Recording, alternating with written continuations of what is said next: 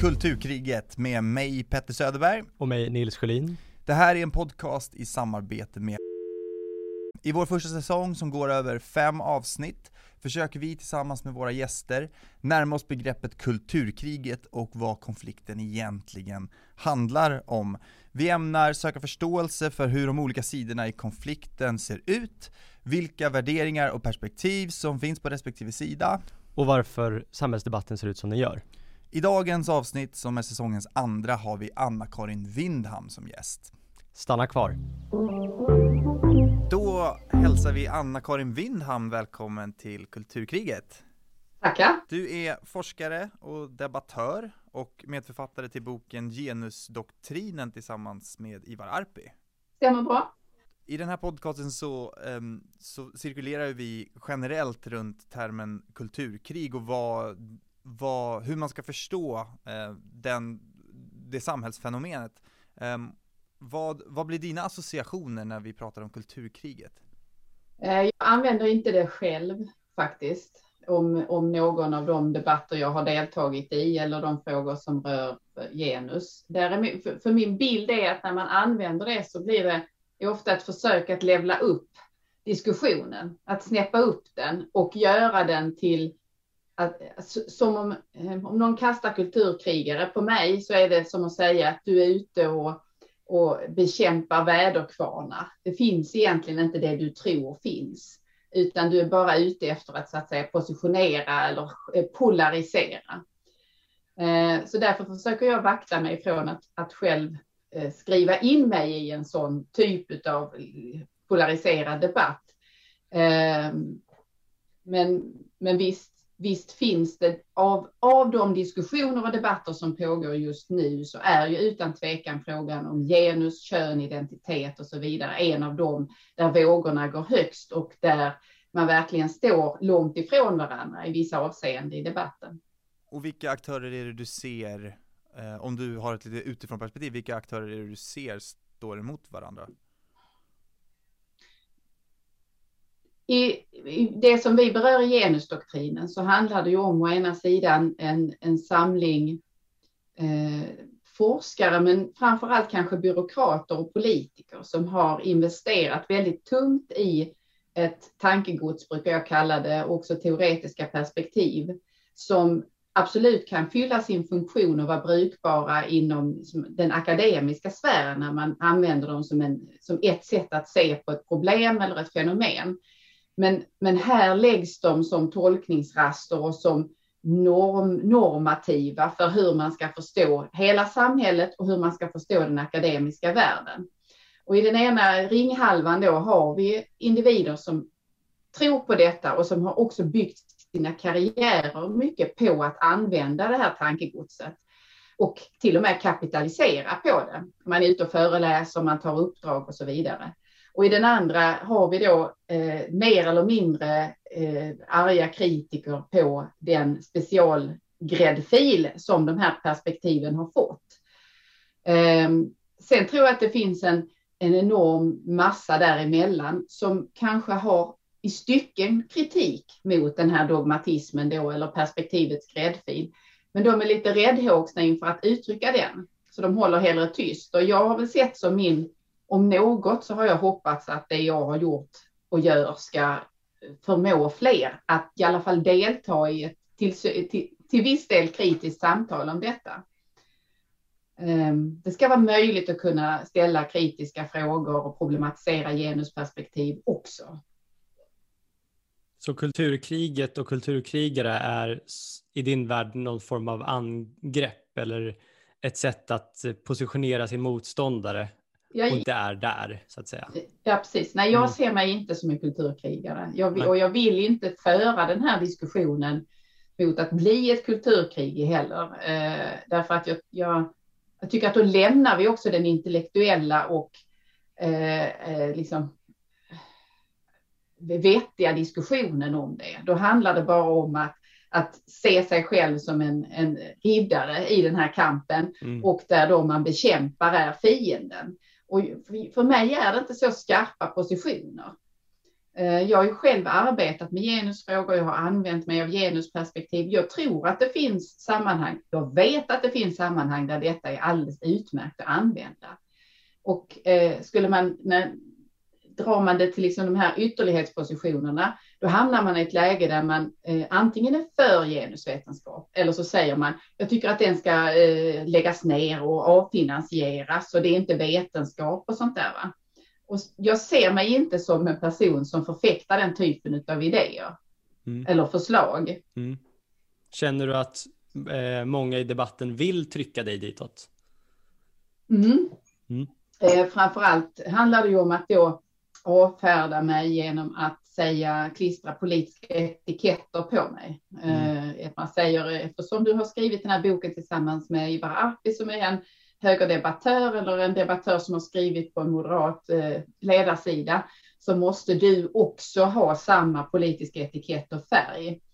Mm. Eh, och då, då, då är det ett sätt att trycka in mig i en sån där ringhörna igen då. Eh, mm. Sen har man väl generellt kan jag tycka haft lite problem med, i alla fall var det så i början av debatten kring genusdoktrinen, att man hade lite problem med att ta in mig överhuvudtaget därför att jag stämde då inte på, på de här eh, kategorierna eller rolldelningarna som vi vill ja, se. Eh, så ett tag så fick jag ju, vad hette det, Arpis bok. Jag var bara en, en parhäst eller jag nämndes inte alls och så där. Så att det har ju varit, om man ska tala om strid, så tycker jag nog att det har varit en strid i detta, att så att säga, jag har försökt att inskärpa att boken är precis i lika hög grad min och den är lika mm. mycket produkten av min penna som av Ivars. Den är tillkommen på mitt initiativ. Mm. Så att, mm.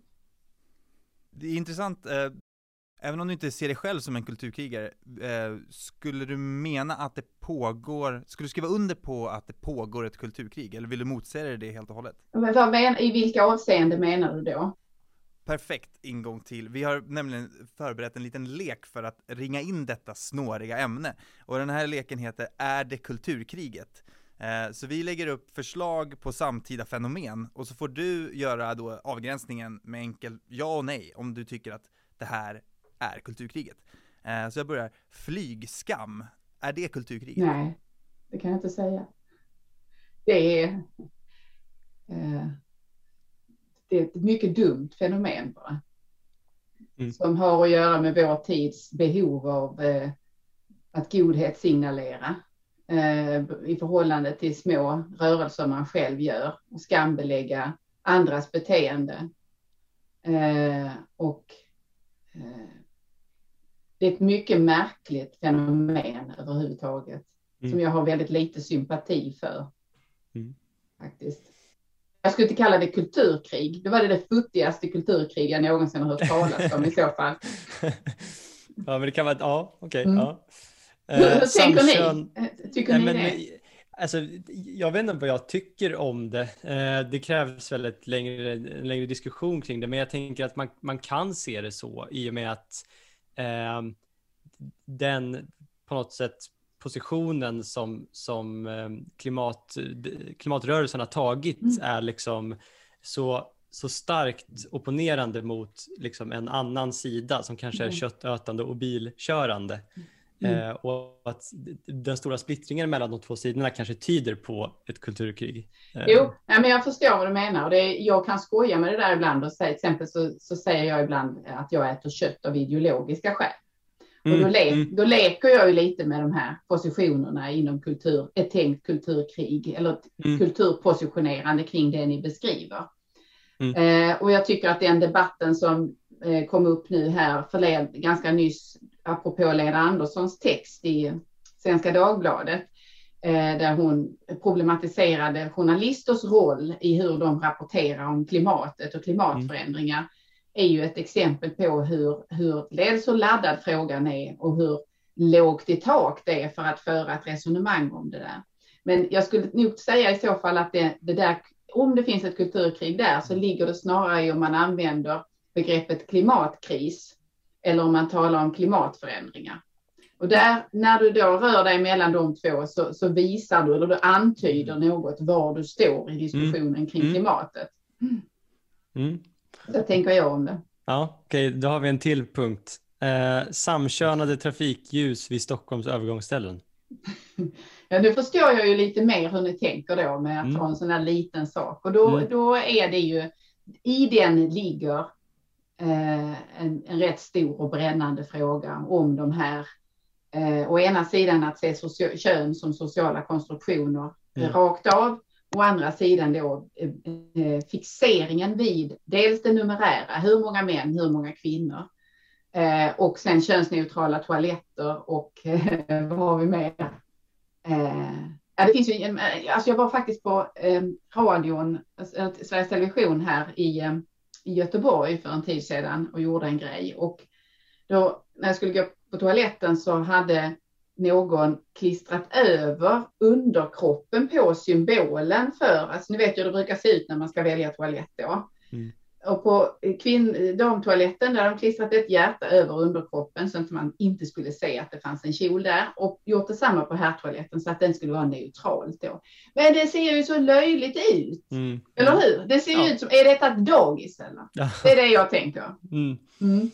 mm. Eh, men den typen av, eh, det är ju en slags kamp i det lilla då man för. Men där, precis som att man byter ut man mot en och liknande. Va?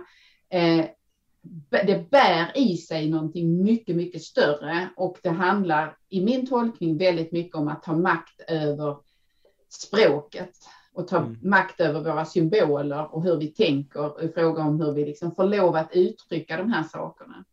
Så där, mm. där skulle jag säga att det finns något som kan liknas vid ett eh, kulturkrig. Mm. mm.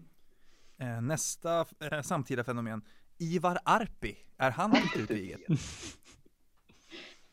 ja, nej, alltså det, jag nu, det blir helt omöjligt för mig att säga. Jag är ju, han är ju en av mina bästa vänner. Eh, och eh, jag kan säga så här att eh, eh, Ivar är vass i skrift och klar i tanken och klar i skrift också. Men han är in, där man då framställer honom ofta som en konfrontativ person och väldigt konfliktsökande.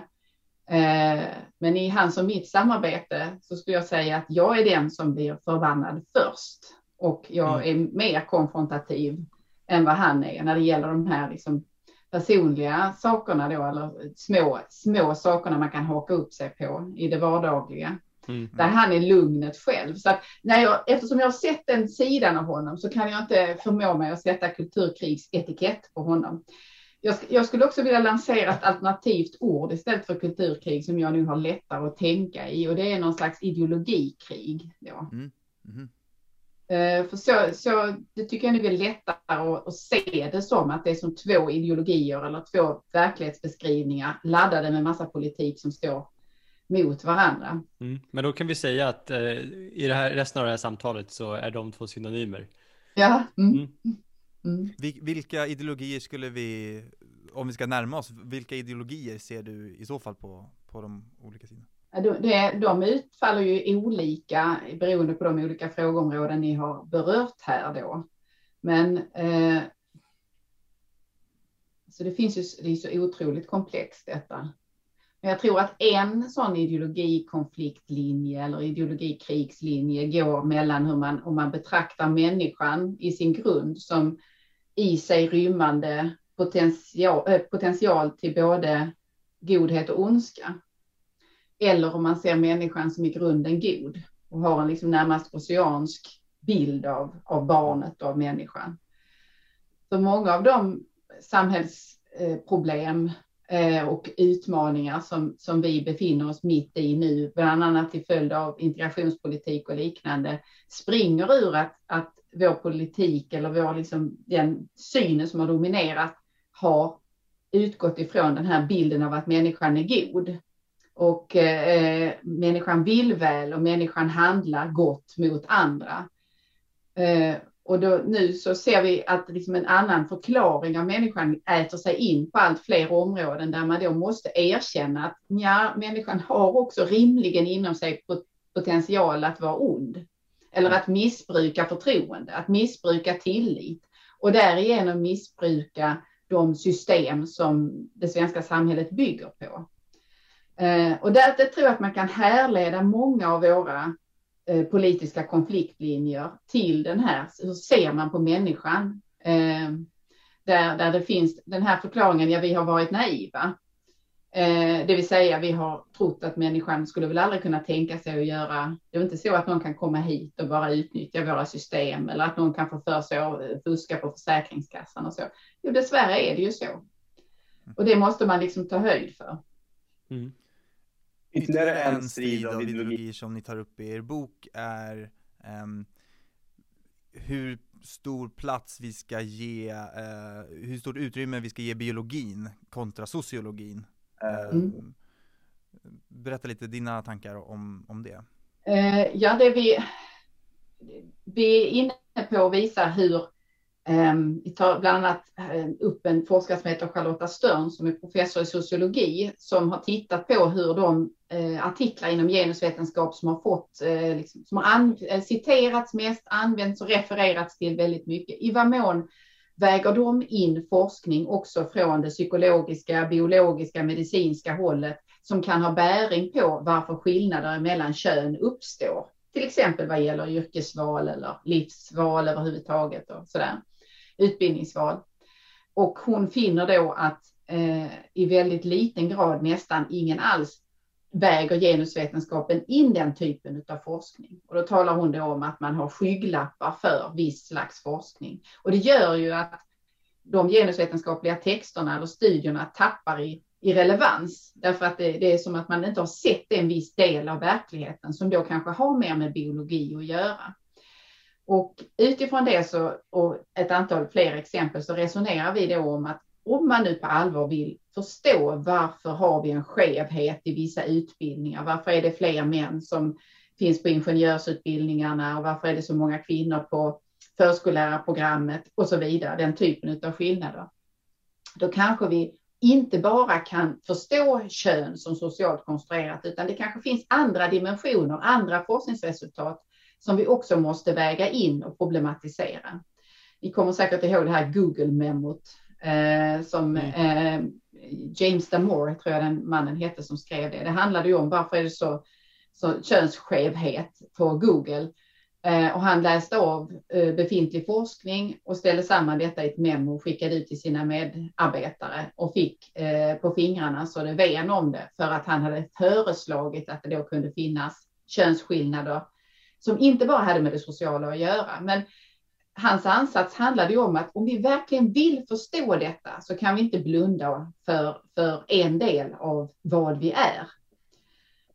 Um, och det, det, är också en sån där i den här ideologikriget då som man kan hamna i att bara man antyder det så, så antas man eller positioneras man som en biologist.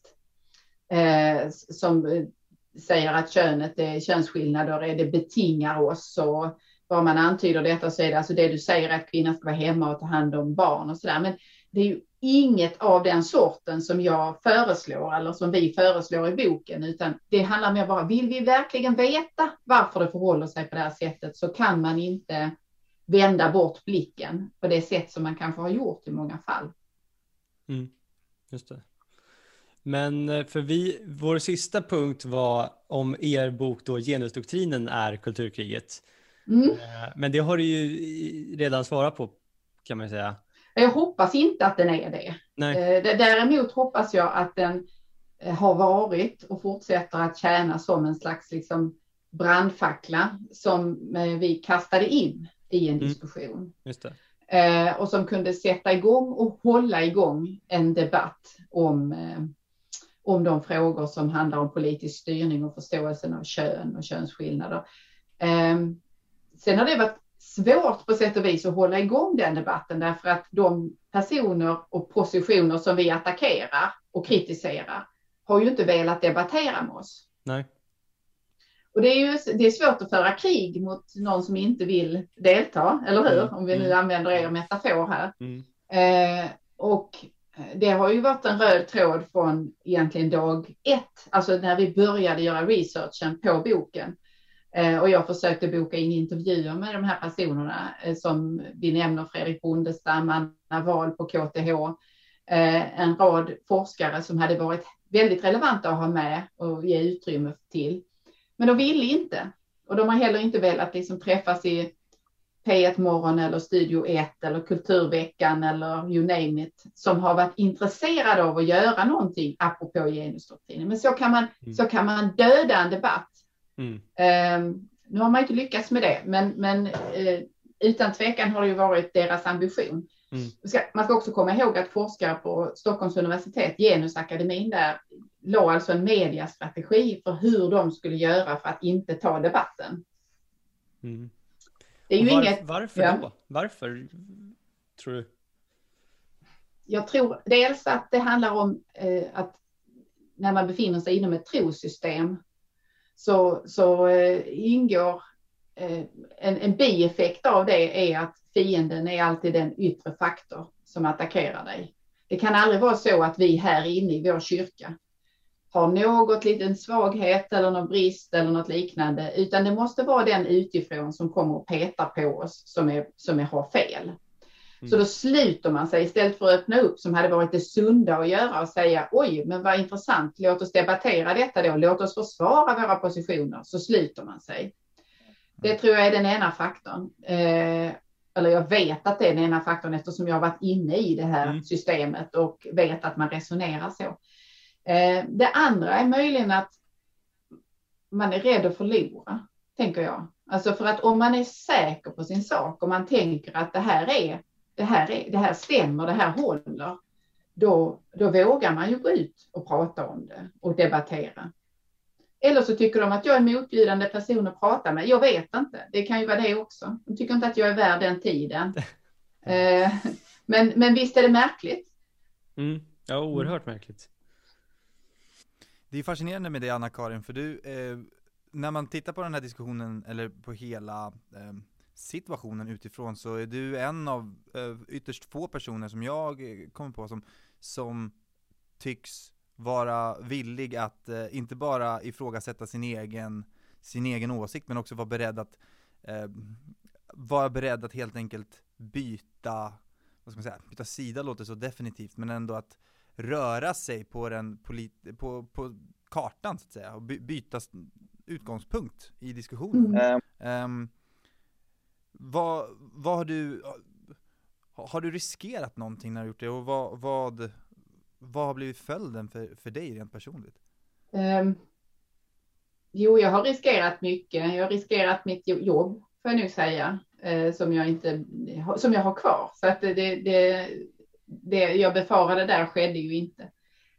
Jag har riskerat eh, väldigt många vänner och eh, sammanhang jag hade tillträde till tidigare. Försörjningsmöjligheter. Jag menar, jag har ändå investerat nästan 20 år i att arbeta med det här och eh, det hade varit mer lukrativt för mig att bara fortsätta inom och, och hålla föreläsningar om detta och, och liknande och så där. men eh, Eh,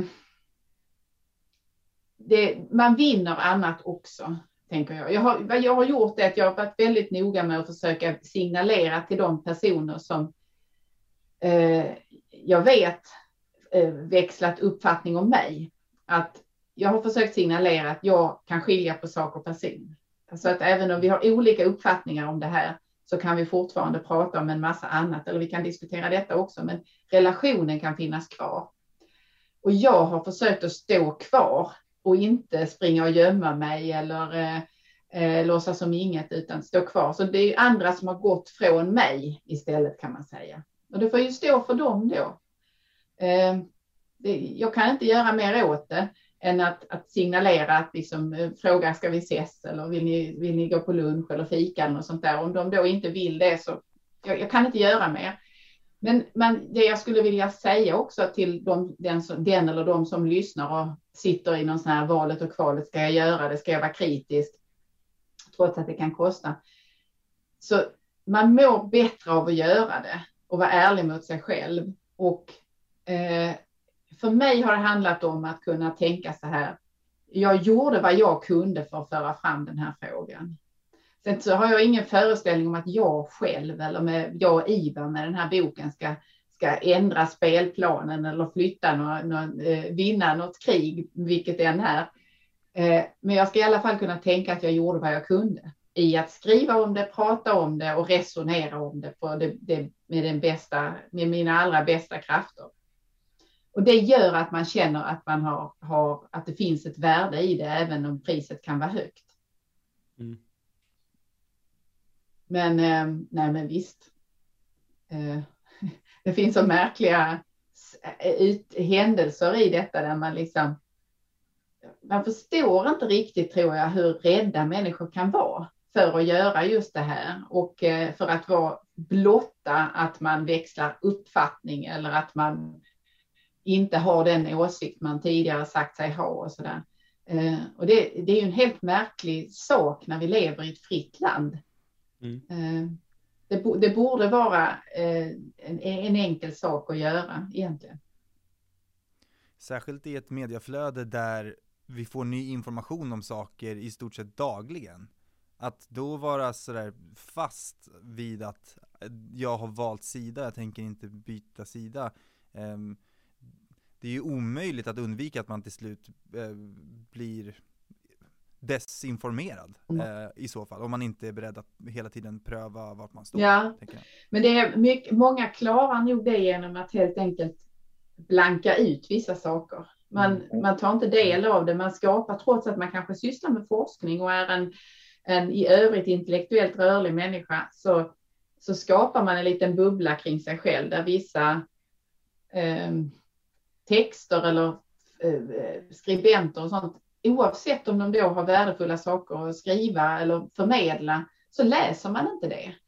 Och det, jag vet att jag hade så himla svårt för att förstå hur, när Jordan B. Peterson seglade upp som en stjärna, eh, eller han började klättra upp och bli någon i allas medvetande, ehm, och då blev det plötsligt en kontroversiell sak internt att, att jag hade uttryckt att eh, jag läste och följde honom och tog del av hans föreläsningar och jag tyckte att det gav mig mycket. Uh, och ifrågasättandet var då, jo men, men han säger ju det här och det här, håller du med om det då? Nej, alltså det finns ju ingenting som säger att bara för att du lyssnar på en person mm eller följer någon eller läser någon så måste du hålla med om exakt allting som står på varje sida här. Så funkar det ju inte. Utan du plockar upp något och säger att det där fick mig att tänka om. Men däremot på sidan si och så, där tycker jag de är ute och cyklar. Det är så det är att tänka egentligen. Men vi har lite glömt bort det i det här, liksom när man, eh, i det här polariserade och kulturkrigsfabricerandet som man håller på med då. Att det måste vara så att jag, hittar jag en frände, då är det min frände 100 procent. Eh, och då tycker jag att vi gör oss dummare än vad vi är faktiskt. Får jag fråga um, gällande Jordan B. Peterson? Han pratar ju mycket om, eh, om det här med att tala sanning och att eh, i vilken situation man än står i så, så är det alltid sanningen som ska fram eh, och att man på något sätt själv får definiera sin egen sanning genom hur noga man är med hur man talar. Eh, jag tycker det eh, rimmar väldigt väl med de valen som du har gjort de senaste åren. Ehm, har, har Jordan B. Peterson legat som någon någon grund i det eller är det här ett ideal som du har sedan innan med, med sanning? Eh, både och skulle jag säga. Alltså, att jag har alltid varit en, eh, i någon mån en person som har eh, haft svårt att se felaktigheter eller eh, maktmissbruk och, och tiga. Även om det är så att jag har kunnat tjäna på detta. Alltså, jag hade kunnat flytta fram mina positioner om jag teg eller så. Jag, jag, jag kan inte med det.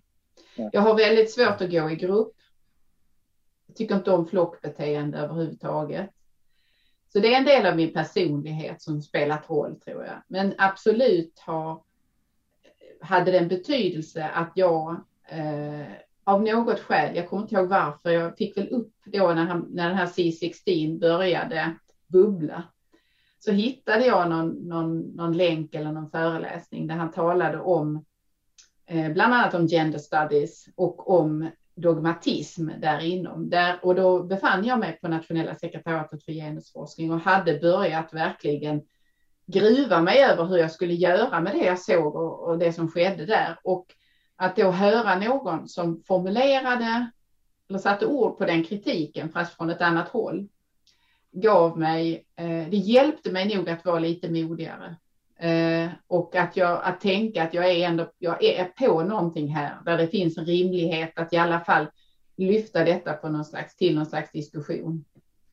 Men då var jag ju inte så modig så att jag gjorde det eh, i, i, med egen penna, utan det var ju då Ivar skrev sin artikelserie med mig som, som källa.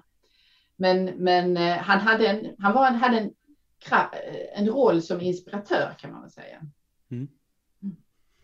Um, när, vi, när vi läste genusdoktrinen i, i förberedelse inför den här intervjun så diskuterade vi hur man skulle kunna se hur man, hur man ska se på kulturkrigets liksom, korta historia och när det började och sådär. Och Johan Lundberg sa i intervjun med oss att han eh, menade att det började i, på den amerikanska universiteten, just begreppet kulturkriget på 90-talet. Mm. Och eh, du får hjälpa mig med kronologin här, men 1994, var det då, var det första politiska förslaget på någon jämställdhets... Eh, mm. Mm. Vad var det? Eh, då, då, tog man beslut om att jämställdhetsintegrera, alltså att det, mm. det, hette, förlåt, det hette jämtegrering då. Mm. Eh, det var den arbetsform eller det sätt på vilket man skulle arbeta med jämställdhet inom statlig verksamhet och inom de olika politikområdena. Men det fick väl inte någon sådär vansinnigt stor betydelse, eh, utan vad man sen fortsatte att göra var att man destinerade olika projekt till olika, eh, de olika departementens ansvarsområde att arbeta särskilt med jämställdhet. Och det kom i förlängningen sen att, att leda till att det här riktade uppdraget av att jämställdhetsintegrera alla myndigheter och småningom jämställdhetsintegrera alla lärosäten och högskolor. Och då är vi framme vid 2016 Eh, Men 20, sekretariatet, när grundades ja, det? Ja, precis. Det, det, det grundades 1998 och mm. eh, är en del av, det är faktiskt, en, om man ska hitta historieskrivningen här, så är det det är en viktig del i att förstå hur det sker en sån här glidning i politisk styrning och att den politiska makten förflyttas. För genussekretariatet tillkom i en fas då nya myndigheter med opinionsbildande uppdrag eh, inrättades. Så vi har då eh, Glesbygdsverket, Diskrimineringsombudsmannen, Ungdomsstyrelsen, Nationella sekretariatet för genusforskning och så finns det ett antal till. Nu har vi en myndighet som kommer för mänskliga rättigheter och, det är, och mm. Jämställdhetsmyndigheten finns nu mm. också. Och, och, de har ju då detta att de ska opinionsbilda. Vilket jag, ska... det låter, låter, jag tycker det låter extremt. Ska de verkligen, alltså varför ska de opinionsbilda? Ja, det ligger ju lite i detta att man har, alltså politiken har beslutat sig för att genusvetenskap eller genusperspektiv, genusforskning skulle så att säga lyftas upp lite mer än annat. Man ville legitimera det, man ville ge den plattform för att växa och inverka och påverka olika samhällsområden, men också universitetet som helhet. Och därför mm. fick sekretariatet eh, som explicit uppdrag att öka genomslaget för genusforskning i samhället. Det kan ju liksom inte bli mycket tydligare än så. Och sen, händer, och sen händer, det har Johan skrivit mycket om också, att man den typen av experter som regeringarna sen har använt i frågor om jämställdhet har i mycket rekryterats från miljöer och sammanhang där eh, normkritik, maktteori, intersektionalitet och ganska radikal genusteori har varit så att säga den, den värld man kommer ur. Och det är då vi får den här skarpa, liksom allt skarpare politiska förflyttningen från jämställdhet som handlar om lika möjligheter och villkor för män och kvinnor till eh, att det handlar om en förståelse, specifik förståelse av kön. Mm. Mm. Men så det låter som politiskt beslutad ideologisk marknadsföring? Ja, det, det, det är det ju i stycken. Mm. Det är det. Eh, och, och det, det tar ju sig allt kraftfullare uttryck under den här tiden där vi nu har ett läge där genusperspektiv efterfrågas inom forskning. Alltså du förstärker dina chanser för forskningsmedel om du har en eh, könsbalanserad forskargrupp och om du har ett uttryckligt genusperspektiv i din forskning. Ehm, och, och det finns också skrivningar om att genusperspektiv ska finnas konstant närvarande i genomförandet av forskningen. Mm. Så det är, ju, det är ju ett sätt att till forskarsamhället signalera att det här är lite viktigare än allt annat. Mm. Mm. Och ja, man, för, man förstår ju verkligen när man hör det här hur eh, grunden till boken också, att, att du som forskare reagerar på den här typen av eh, politik egentligen. Ja, och det, det är ju det att man måste kunna i det läget då häva sig över vad man själv har trott på eller vad man har investerat i. Därför att jag hade en diskussion här tidigare idag i något som heter Högskoleläckan, som är en sån här jättestor eh, Facebookgrupp eh, för högskoledebatt. Och då hade vi en diskussion då om, jo men det här är väl, ett, är väl bra, det är väl bra med jämställdhet, det är väl vettigt, inte det är väl så farligt. Nej, man kan tycka det. Man kan till och med hålla med om att intersektionella perspektiv bidrar. Men problemet är att det är politiken som har sagt att detta är ett, ett rätt sätt att betrakta världen utifrån. För om fyra år eller om ett och ett halvt, då är det någon annan som bestämmer vilket perspektiv det är som har företräde. Och har man väl, som Stina Oskarsson säger, har man väl öppnat dörren för mm. att begränsa friheten eller styra på något sätt, då måste det hålla för ett annat politiskt styre också. Mm. Just det. Um, ni skriver också om uh, Kajsa Ekis Ekman och den här uh, transfrågan i er bok, men då refererar till hennes bok från 2010, tror jag. Mm. Och nu har ju hon släppt en ny bok som också har blivit uh, omdebatterad mm. och som vi, jag och Petter tyckte verkligen var ett, ett uttryck för kulturkriget när vi, när vi läste artiklarna som skrevs om den. Mm.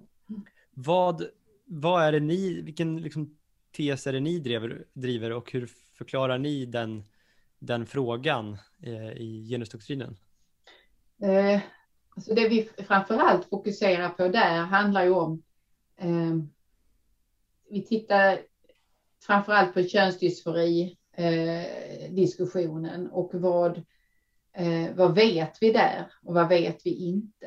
Eh, det, det, det, detta, den märkliga situationen har ju uppstått att man tror sig helt säker om någonting vi vet väldigt lite om. Vi vet väldigt lite egentligen om, vi vet inte tillräckligt mycket i alla fall, av effekterna mm. av den typen av ingrepp och eh, diagnostiseringar som nu sker så har, har ökat så lavinartat under den senaste perioden.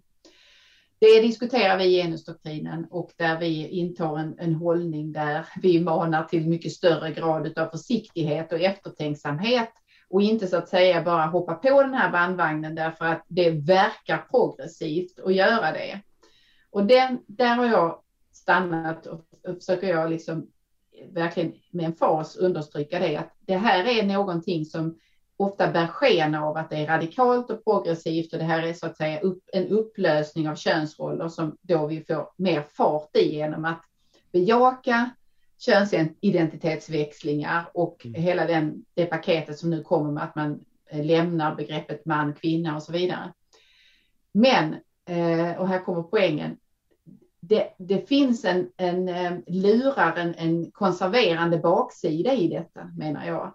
Där allt det där vi hade kämpat för tidigare, att man ska kunna leka med könsrollerna, att det inte, man ska kunna eh, laborera med hur man klär sig eller hur man identifierar sig och ställer ut sig och leker med det där. Det ska finnas en, en bredd och en vidd i det. Plötsligt så är det som om allt det där krymper och så är vi tillbaka till att om du om du plötsligt känner dig på ett visst sätt, då, ska vi inte, då nöjer vi inte oss med att du får lov att liksom leka med de här rollerna, utan då måste vi göra irreversibla ingrepp i dig för att ställa det till rätta.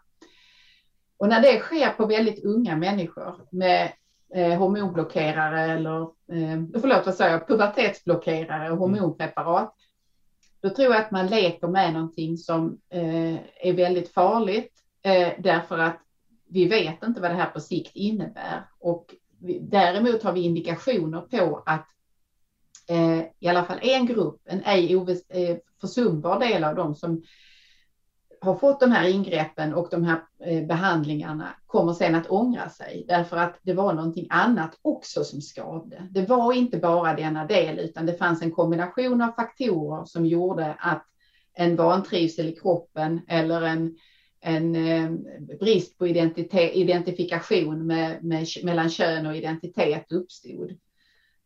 Och det är därför jag är tillbaka till det där med att eh, vi, vi, vi tror att vi är väldigt säkra på detta. Vi spelar att vi är väldigt säkra på att vi vet vad vi gör, men det gör vi inte. Och kom ihåg att Karolinska institutet nu slutade med en hel del av de här behandlingarna därför att det är, man säger vi har inte stöd för att det hjälper. Mm. Och eh, konsekvenserna för individen vid de här behandlingarna är så stora. Mm. Eh, så man måste ha mycket större försiktighet än vad vi har haft tidigare. Mm. Och det var samma reservation som, som Hässlov gjorde eller liknande, eller hur? I, mm. Som man sen eh, fick utstå drev och, och eh, påhopp för. Vad, kan du kort beskriva vad som hände eh, i den Nej. affären?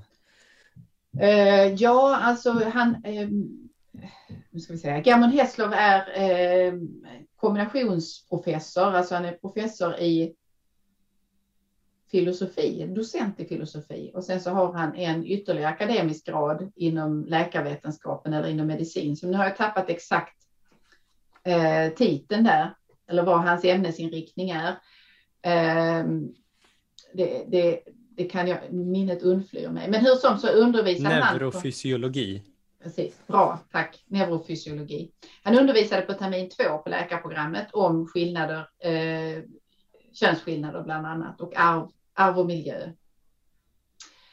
Eh, och fick kritik för, eh, han fick kritik väldigt tidigt, eh, redan innan kursen hade hållits, från en student som hade hört att eh, han var homofob, transfob eller hade en anti eh, gender agenda. Eh, den här kritiken eh, togs emot av universitetet och man sa att det kanske är bättre att du går på föreläsningen först innan du så att säga avfärdar den helt. Men man var, man var samtidigt väldigt välvilligt inställd till studenten och bjöd in henne att delta i kursutveckling och liknande. Vilket jag tycker är oerhört generöst med tanke på att man kom med en riktig bredsida innan man hade varit på kursen i fråga. Eh, men det handlade då om en formulering där han frågade eh, på en fråga om sexuell identitet och sexuell läggning och eh, korrelationen däremellan och där han då i sitt svar uttryckte eh, att det här vet vi inte riktigt. Eh, och sen så försöker han göra reda för forskningslägret i den här frågan. Varpå han får en tillbakakaka på att detta var dels homofobt, dels transfobt, så som han formulerade sig. Men själva poängen här är att han försökte förklara vad vi mm. med vetenskap vet just nu. Eh, och detta ledde till en utredning. Detta ledde till en, en eh, som vi då har följt i genusdoktrinen och det, det, fick till effekt att han i princip fick en tillsägelse om att korrigera sin terminologi så att den är i linje med diskrimineringslagen. Och, och då får vi alltså en klyfta här emellan vad, vad vi vet och vad vi inte vet och vad diskrimineringslagen påbjuder om könsidentitet och sexuell läggning och så vidare. Och sen så lägger man till i läkarutbildningen en, en genusvetenskaplig föreläsning som, då, som ska balansera det han talade om. Eh, och det, den tesen eller den, den argumentationen vi för i genusdoktrinen kring det här är ju just att vi har ett problem om det är så att så kallat känsliga frågor eller frågor som är svåra och svåra att säga att det är å ena sidan och andra. Vi måste kunna vi måste kunna prata om dem, måste kunna göra reda för dem i en universitetsutbildning. Eh, och de kan inte så att säga tystas ner bara för att någon uppfattar det som stötande, eller man uppfattar verkligheten som stötande. Och vi har tyvärr hamnat där lite vad gäller högre utbildning, att det är väldigt, det är väldigt många som känner sig kränkta och det är väldigt många som inte tycker att det är ett tryggt rum. Och då brukar jag säga att jag alltså utbildning är inget tryggt rum. Utbildning innebär att du, du, kom, du utmanar dina egna idéer, dina föreställningar, dina förutfattade meningar om någonting.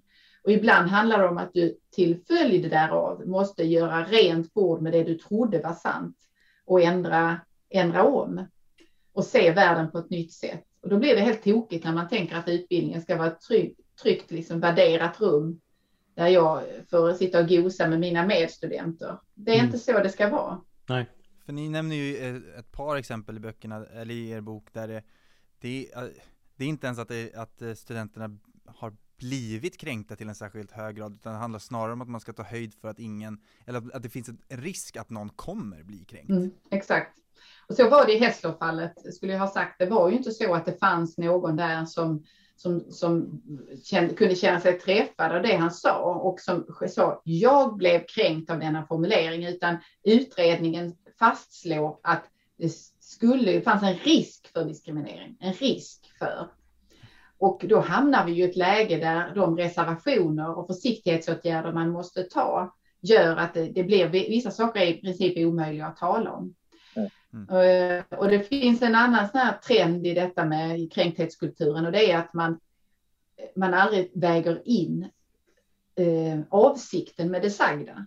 Var, var, varför sa du detta? Varför använde du ordet just här och just då? Uh, jag gjorde det därför att du ställde en fråga och jag var tvungen att använda det här ordet för att svara på din fråga.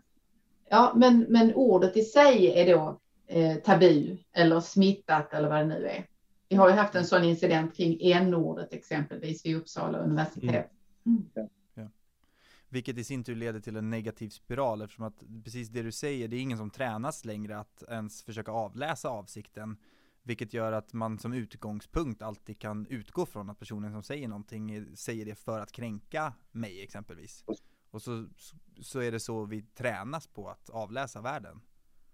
Jo, och det är den här, det är liksom den fördumningsprocessen som jag kan se och som jag faktiskt är oroad över att, att unga människor idag då eh, sitter som på nålar för att lyssna efter den typen av ord och ser som sin mission att, att reagera och larma så fort det utsägs. Istället för att sansa sig lite och tänka efter och se om det kanske kan finnas någonting man kan lära ur detta. Och det är väl om man då drar tillbaka till den där tidslinjen som ni hade talat med Johan om. Och vi som vi berörde att eh, de här teorierna som vi beskriver i genusdoktrinen, de, de börjar i, en väldigt, i, i väldigt komplexa traditioner och tankeexperiment, men förtunnas sen allt eftersom.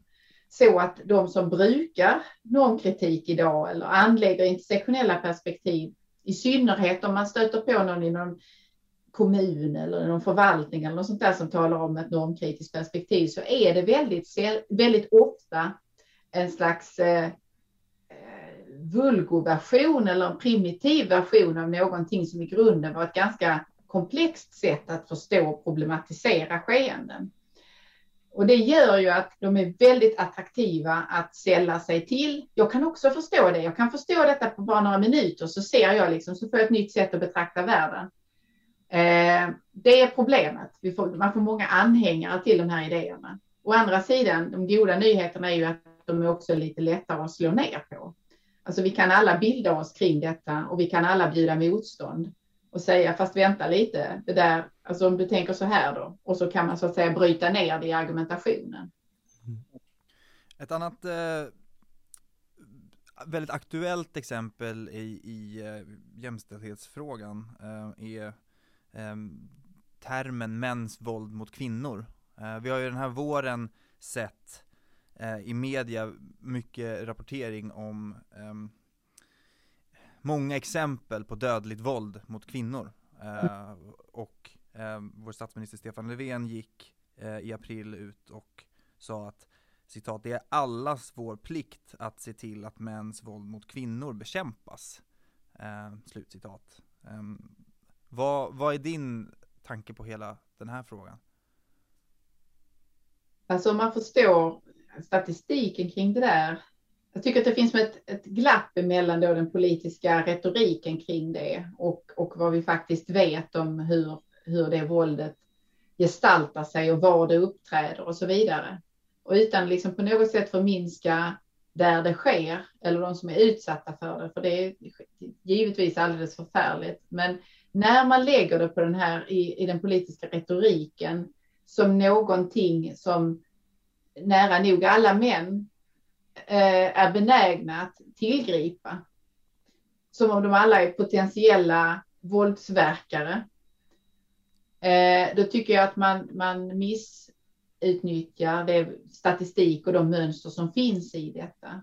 Jag tycker särskilt illa om eh, när man i, i, politiska debatten börjar prata om att lösningen på detta skulle då vara mer genuspedagogik i skolan eller att det handlar om hur vi fostrar. Det fanns ju mm. någon, jag kommer inte ihåg om det var Märta Stenevi som sa att nej, det var det inte, men det var någon från Miljöpartiet som talade om hur vi fostrar män till, eh, vi fostrar våra pojkar och män till att då bli att bära de här normerna och idén om att man kan slå och så vidare.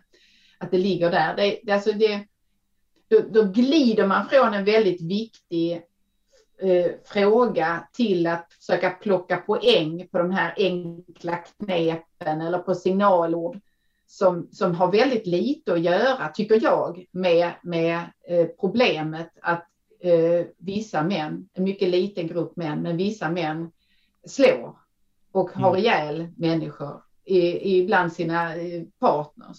Och det är, det är ju det är där vi måste försöka förstå eh, mönstren i det snarare än att, att eh, ägna oss åt den här typen av positionering eller posering som det dessutom kan tyckas vara. Mm. Jag tycker också en eh, till, kanske ännu mer komplex del i att försöka förstå det, eh, eh, som, som kanske har att göra då med, med det här så kallade kulturkriget att göra är att det råder en viss konsensus på många plan om att det är ett kollektivt ansvar som ligger på, eh, på män. Eh, vilket gör att när, när Löfven säger att det är allas plikt mm. att vi ska, eh, vad han nu säger, att mäns våld mot kvinnor bekämpas, att det är allas plikt. Eh, jag, jag, tycker att det låter som ett väldigt tydligt und, att, att han flyr undan att definiera vem det egentligen är som bär ansvaret för de enskilda händelserna. För att om det är allas plikt, då är det ju i slutändan ingens mm. ansvar. För att om alla förväntas ta ansvar, då tar ju ingen ansvar. Nej, precis. Nej, men och sen också så ska vi inte glömma att det har funnits en, en tystnad kring eh, precis de här fenomenen, precis den typen av både könsförtryck och eh, liksom fysiskt förtryck kopplat till hedersfrågor, hederskultur och liknande som man, eh, det tycker jag också Johan Lundberg beskriver jättebra i sin bok, hur man från på politisk nivå under nästan flera decennier valde att inte se det och valde mm. att inte adressera den frågan. Eh, och det, det gör mig verkligen rasande i min, det, det, är liksom fullblods feminist i, den femini, i, i, min egen tolkning av vad feminist är igen, när jag kan tycka att det är där vi har den viktiga jämställdhetskampen. Det är där vi har massor med unga kvinnor som inte får lov att välja sina egna liv, som inte får lov att välja partners och som är kringskurna i sina livsmöjligheter. Varför har inte de här radikalfeministerna sett dessa kvinnor? Man har blundat för det. Och det, då, då blir den typen av eh, rop när man pratar om genuspedagogik och eh, fostra våra pojkar och så vidare. Det, det, är just, det klingar så falskt. Mm. Eh, och det gör mig verkligen rasande i att liksom, vad är ett engagemang egentligen? Vad handlar det om? Handlar det om er själva? Eller handlar det om att vi har eh, att vi faktiskt har i Sverige och i vår omvärld faktiskt könsförtryck som fortfarande existerar och som det finns all skäl i världen att göra något åt. Vi har ju fått en hel kader av sådana luktsaltsfeminister, alltså som förstorar dåndimpen så fort någon använder fel pronomen eller så mm. fort någon eh, eh, använder ett attribut eller något liknande som då eh, väcker anstöt. Eh, medan de här stora fundamentala orättvisorna, det, det, det bekommer de inte. Nej. Det är ett svek. Ja. Men om, om vi ska blicka lite framåt, är det ditåt du tror att också kanske genusvetenskapen går eller är det jämställdhetskampen i alla fall? Ja, det tror jag. I alla fall den politiska. Alltså det, politiskt måste det ske en sån, mm. sånt erkännande och man kommer också att vara tvingad att göra någon slags insats för det. För att få eh, för att inte fjättra de här unga männen och kvinnor, det är män också, män som vill Mm. leva utanför normen för, kring hederskulturen, att inte dessa unga människor ska vara fjättrade i en, en eh, medeltida kultur. Eh, där måste man göra någonting, det är vi skyldiga dem. Eh, sen så tror jag att det kan gå på två olika sätt, antingen så växlar eh, eh, den andra sidan här upp ytterligare i att märka ord och hålla på på det Mm. sättet som de gör. Eh, eller så, så eh, rullar de väl ihop sig till en boll och hoppas att de får lov att fortsätta med sina verksamheter ostörda och att ingen ska komma och göra någon tråkig kritisk granskning igen. Mm. Mm. Jag vet inte vad som... Mm. Jag undrar hur, ska, hur ska de kunna märka ord mer än man gör idag? Liksom, eh, en sån upptrappning låter nästan omöjlig. Ja, nej men det är så jag, jag skrev en tillsammans med Mats Alvesson för en vecka sedan en debattartikel i Svenska Dagbladet om eh, universitetet som kapitulerar för de rätta åsikterna var rubriken på den. Och där vi kritiserade just det, delvis det vi har pratat om nu. Mm. Eh, och då fick vi en replik eh, från en, en studentorganisation som heter Sträva. Där ordförande gjorde en, ett, en frontal, försökte verkligen göra ett frontalangrepp på oss för att vi var så mossiga och spöken och vi var katederkramare och, eh, och vi var på, ägnade oss åt skitsnack och skrävel och allt. Hon hade verkligen uttömt alla fula ord man kunde använda. Men jag, när när jag skrev svaret på det där, eller vi skrev svaret på det där, så, så tackade jag så mycket för att hon var så tydlig. Därför att, det, det, och det är tillbaka på det där med att de här teorierna har blivit väldigt tydliga i vad de vill. Mm. Det går inte att ta miste på det och jag, jag tror att jag tycker att det är bra därför att då blir det också uppenbart också för de som befinner sig utanför de akademiska institutionerna eh, och som känner att det här är väldigt perifert och konstigt och abstrakt och så. Också de ser vad det, är, det här är, vad handlar det om? Vad är det de vill? Eh, och jag tror att det på sikt liksom bildar en, en allt fastare opinion emot den här typen av ordmärkeri, kränkthetskultur eh, och dogmatism. För det är vad det handlar om för mig. Det är det som så att säga, vi står på spel. Mm. Ja, ser du någon ljusning för samtalsdebatt, alltså debattklimatet? Hopp, liksom, ser vi att det kan bli bättre de kommande tio åren? Eh, jo, men alltså det, jag tycker ju att det, vi, vi ser ju, vi har ju kämpat på nu i ett år med den här boken och eh, jag blev ju inbjuden till akademiska sammanhang för att tala om den. Jag har hållit föreläsningar på en genuskurs där jag har använt genusdoktrinen som, eh, som eh, kurslitteratur. Eh, och jag eh, har access till sammanhang där man, där man uttryckligen erkänner den som en granskning som har relevans.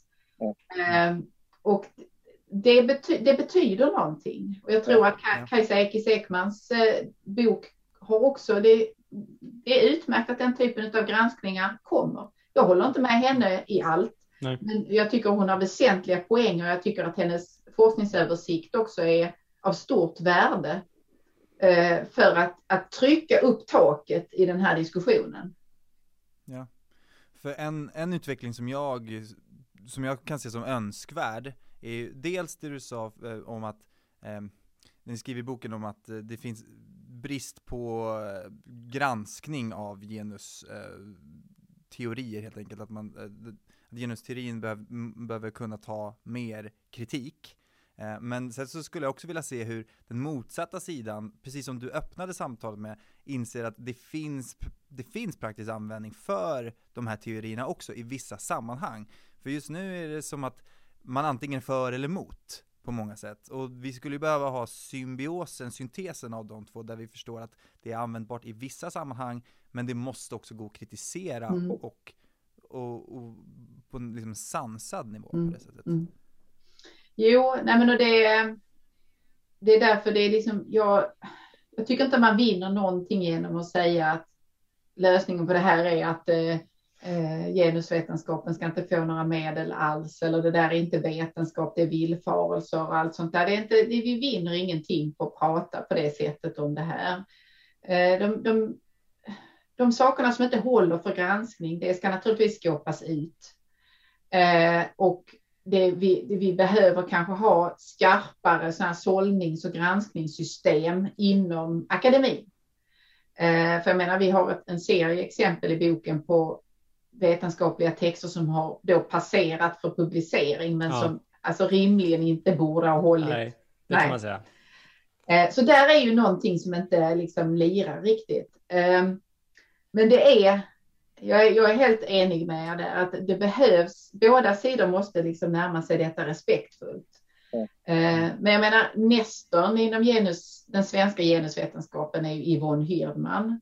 Och hon var ju en av de första som sa eh, så här ungefär, att det kunde man ju räkna ut med lilltån att ämnet skulle extremiseras när de slöt sig i egna alltså när det blev ett eget ämne och när man då bröt sig ut från historieämnet eller från statsvetenskap eller sociologi och så, så sökte sig alla dessa människor istället till ämnet genusvetenskap. Mm. Och så blir det väldigt många likasinnade och så avstannar det interna kritiska samtalet och vi är så överens hela tiden istället. Mm. Mm.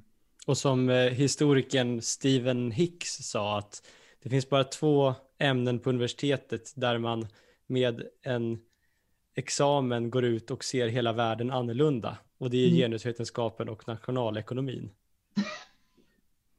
Ja, jo, nej men och det och att man kanske då också är helt övertygad om att man har rätt. Mm. Mm.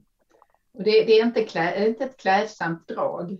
Nej. Det är, jag försöker göra en poäng av ibland att jag är, försöker vara lika hård mot mig själv. Att jag är jag kritiserar min egen avhandling till exempel och eh, säger här, var, här kom jag till korta, här tänkte jag inte rätt, så här skulle jag gjort istället.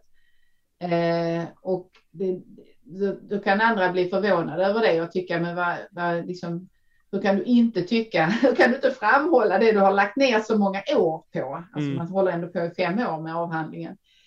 Jo, därför att jag tycker inte att det är den som är produkten, utan det är mitt tänkande. Alltså jag, det jag har skrivit den och lärt mig tänka på ett visst sätt och utvecklat förhoppningsvis mitt intellekt, min intellektuella skärpa då. Eh, och det är den jag ska kunna använda och också vända mot mig själv. Och, och jag är så att säga produkten av forskarutbildningen, inte då det man gjorde vid en viss tidpunkt. Och där kan man då bli liksom lite för egenkär eller för, för, för förälskad i sin, eh, i, sin, i sin bok. Man måste kunna säga, här fanns kanske också saker vi skulle kunna ha gjort annorlunda.